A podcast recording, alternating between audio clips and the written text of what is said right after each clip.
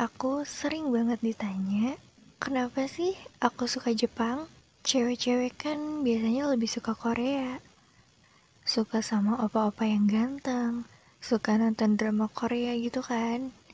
Menurutku, setiap negara kan emang punya kelebihan dan kekurangannya masing-masing ya. Korea itu emang bagus banget industri entertainmentnya. Karena dari ngeliat idol atau drama Korea, banyak orang yang akhirnya tertarik dengan Korea.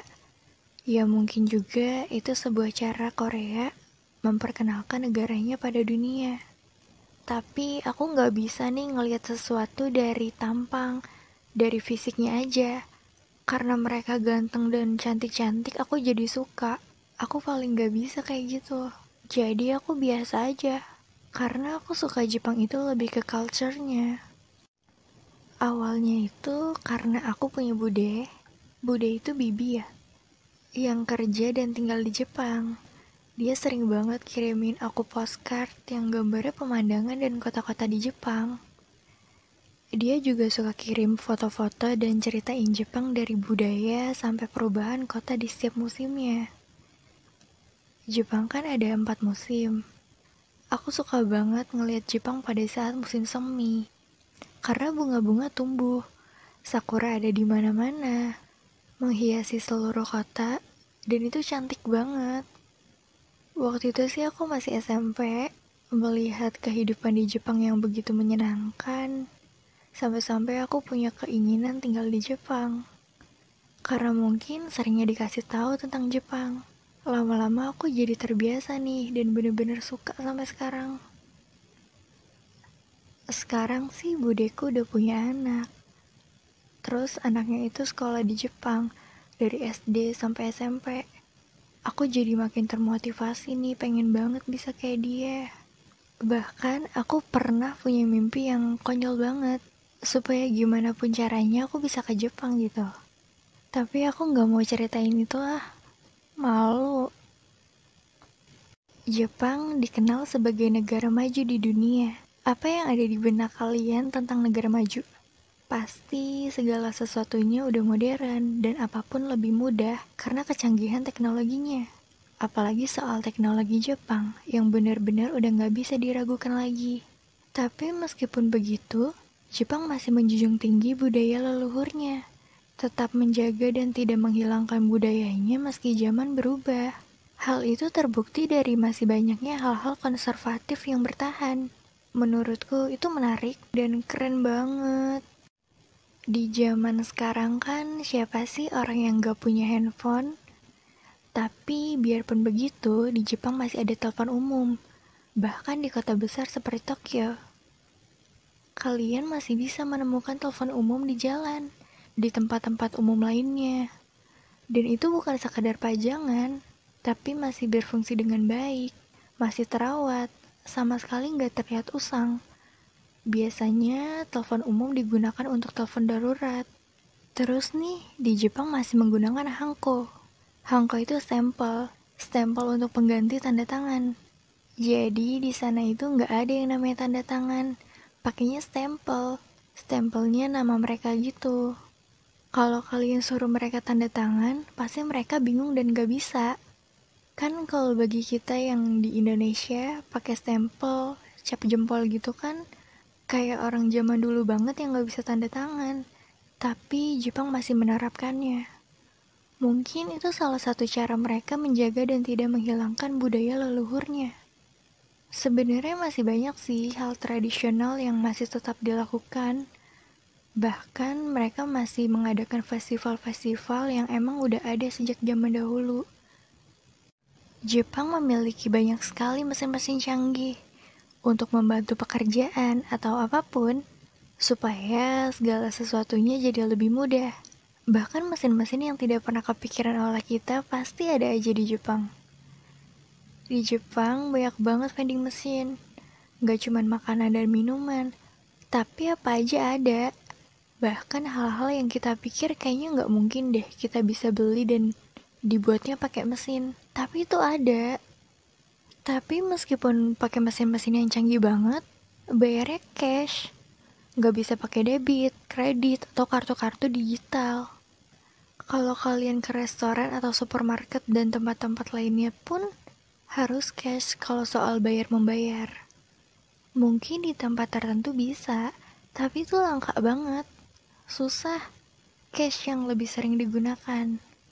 Kalau di Indonesia kan pakai kartu gitu udah jadi hal yang biasa ya.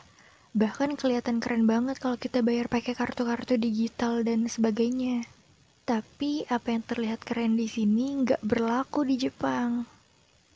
Mungkin itu sebuah cara Jepang agar masyarakatnya tetap menggunakan uang kertas dan logam sebagai alat transaksi. Yang bikin aku kagum banget, di Jepang itu bersih dan semuanya tertata rapi. Kalian gak bakal deh nemuin sampah di jalan, di sungai, meskipun dikit, satu bungkus aja gitu. Gak ada. Mungkin kalian akan berpikir ini petugas kebersihannya rajin banget ya. Tapi bukan karena itu. Tapi karena orang-orangnya emang punya kesadaran yang tinggi. Buang sampah ya pada tempatnya. Karena kebersihan dan kerapiannya yang membuat Jepang terlihat cantik di setiap sudut kotanya. Di Jepang juga orang-orangnya disiplin dan sangat mematuhi peraturan yang ada. Misalnya aja saat mereka menyeberang, kalau lampu merah ya berhenti. Gak ada yang menyeberang, meskipun cuma di jalan kecil. Kendaraan yang lewat juga gak ada. Mereka tetap nunggu sampai lampu hijau, baru menyeberang. Kalau di sini kan kadang ada jembatan penyeberangan aja, orang lewatnya tetap dari bawah. Selama masih bisa lewat, ya lewat aja. Ada kendaraan juga kadang nyebrang aja. Nyawa udah kayak kucing. Alasannya sih kan kendaraannya juga pelan. Orang Jepang itu tertib banget, apalagi saat mengantri. Walaupun antriannya panjang banget, nggak ada yang nyelak, dorong-dorongan, apalagi sampai rusuh yang memakan korban, cuman karena takut nggak kebagian mereka benar-benar bisa menunggu dan berarti kan kesabaran mereka juga luar biasa. Bukan cuman itu, orang-orang Jepang juga on time banget. Misalnya aja kamu janjian jam 5, sebelum jam 5 atau jam 5 pas tuh pasti mereka udah datang. Kalau lewat dari itu ya udah, kamu bakal ditinggal atau ketinggalan. Mereka nggak akan nunggu kamu lagi. Kalau kamu telat, ya salah kamu karena mereka benar-benar menghargai waktu. Mungkin banyak yang udah tahu juga nih, Jepang menggunakan kereta sebagai transportasi. Kereta di Jepang itu ada di mana-mana, mudah diakses. Selain itu ya, pasti masyarakatnya jalan kaki atau naik sepeda. Ini aku suka banget karena di Jakarta aja aku lebih suka naik kereta daripada naik motor atau mobil. Tapi sayangnya nggak semua tempat juga dekat dengan stasiun ya. Terus kalau di sini, kalau kamu nggak naik motor atau mobil, kamu bisa dianggap nggak punya, miskin. Kalau di Jepang, mau miskin, mau kaya, dari mana pun backgroundnya, tetap jalan kaki, naik kereta, atau paling naik taksi. Tapi itu mahal banget. Dan tetap aja kan naik kendaraan umum Padahal Jepang produsen mobil dan otomotif terbesar. Tapi kenapa ya penduduknya tidak menggunakannya? Selain karena mahalnya pajak, parkir, dan sulitnya membuat SIM, apakah ini sebuah cara untuk menggiring polusi? Karena mereka produsen, artinya mereka kan tahu efek-efek yang akan terjadi. Makanya mereka tidak menggunakannya. Jadi mereka salurkan deh ke negara lain agar negara lain yang berpolusi sedangkan Jepang sendiri bebas polusi. Kalau emang itu strategi mereka untuk menjaga negaranya agar tetap menghirup udara yang sehat, ya luar biasa. Jepang itu aman banget. Seandainya barang kalian ketinggalan atau jatuh di tempat umum yang ramai sekalipun, barang kalian bisa kembali atau nggak ada yang ngambil. Temenku tuh pernah handphonenya ketinggalan di bandara Sapporo. Udah kayak gitu pasrah banget. Soalnya kalau dipikir-pikir kan nggak mungkin bisa ketemu. Sampai tiba-tiba dia ditelepon pihak bandara kalau handphonenya jatuh dan suruh segera diambil. Wah itu kayak nggak nyangka banget kan? Tapi jangan coba-coba ya ninggalin barang kamu dengan sengaja. Nggak gitu juga Kebanyakan orang Jepang itu tertutup dan sangat menjunjung tinggi privasinya. Kalau di sini kan kayak kamu nggak rame nggak asik, bertemu tapi nggak nyapa pasti kamu akan dibilang aneh, sombong, bahkan sama orang yang nggak kenal pun bisa ngobrol SKSD gitu kan. Di Jepang kalian nggak bisa menemukan orang seperti itu. Kenal, bertemu nggak nyapa pun udah jadi hal yang biasa aja dan nggak kenapa-napa. Mungkin sih karena mereka tidak mau mengganggu, lebih suka ketenangan. Lingkungan kayak gini kan cocok banget buat orang yang introvert. Orang Jepang memang susah diajak berteman, tapi kalau kalian bisa punya teman orang Jepang, berarti kalian berhasil mengambil hatinya, sehingga mereka bisa terbuka, bahkan jadi orang yang seru banget. Kalau udah berteman, biasanya mereka akan baik banget lebih dari apa yang kamu bayangkan. Jepang termasuk negara yang menggunakan bahasanya sendiri. Ya, bahasa Jepang.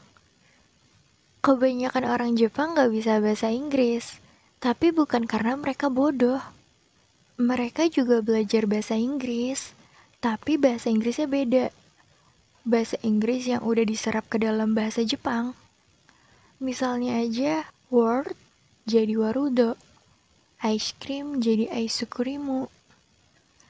Mungkin sih karena karakteristik bahasa Jepang berbeda, memiliki huruf dan bunyi yang sedikit, membuat mereka sulit mempelajari bahasa asing. Agar mudah dilafalkan, akhirnya dibuatlah kata serapan, walaupun pelafalannya jadi berbeda jauh dengan pelafalan bahasa Inggris yang benar.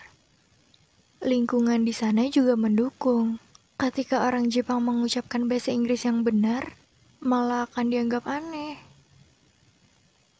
Kalau di sini kan bahasa Inggris termasuk pelajaran wajib di sekolah ya. Dari SD juga udah belajar bahasa Inggris. Dan kalau kamu bisa bahasa Inggris, kelihatan pintar dan keren banget kan? Tapi itu nggak berlaku di Jepang. Sejago apa pun bahasa Inggrismu nggak kepake. Iya, kepakainya sih paling sama orang yang bisa bahasa Inggris juga. Tapi itu jarang banget. Biasanya yang bisa bahasa Inggris itu bukan orang Jepang asli, tapi belasaran atau mahasiswa yang emang ambil jurusan atau kelas bahasa Inggris. Tapi dengan kebiasaan mereka yang tetap menggunakan bahasa Jepang, justru membuat orang asing mempelajari bahasanya. Ketika kamu gak bisa, kamu akan sulit berkomunikasi dengan orang Jepang. Mau tidak mau kan akhirnya jadi belajar. Itulah kenapa bahasa Jepang jadi bahasa yang penting. Mungkin itu cara Jepang mempertahankan dan memperkenalkan budaya dan bahasanya. Ada banyak hal yang membuat Jepang patut ditiru dan tidak heran kalau menjadi negara yang maju. Buatku, Jepang itu seperti negeri dongeng yang nyata. Karena terkadang apa yang aku pikirkan mungkin gak akan pernah ada. Impossible, gak masuk akal. Tapi ternyata ada di Jepang. Hebat, benar-benar negara impian. Zaman boleh berubah, tapi budaya harus tetap dipertahankan agar tidak punah. Anak bangsa pasti tidak akan melupakan bahasa dan sejarah bangsanya.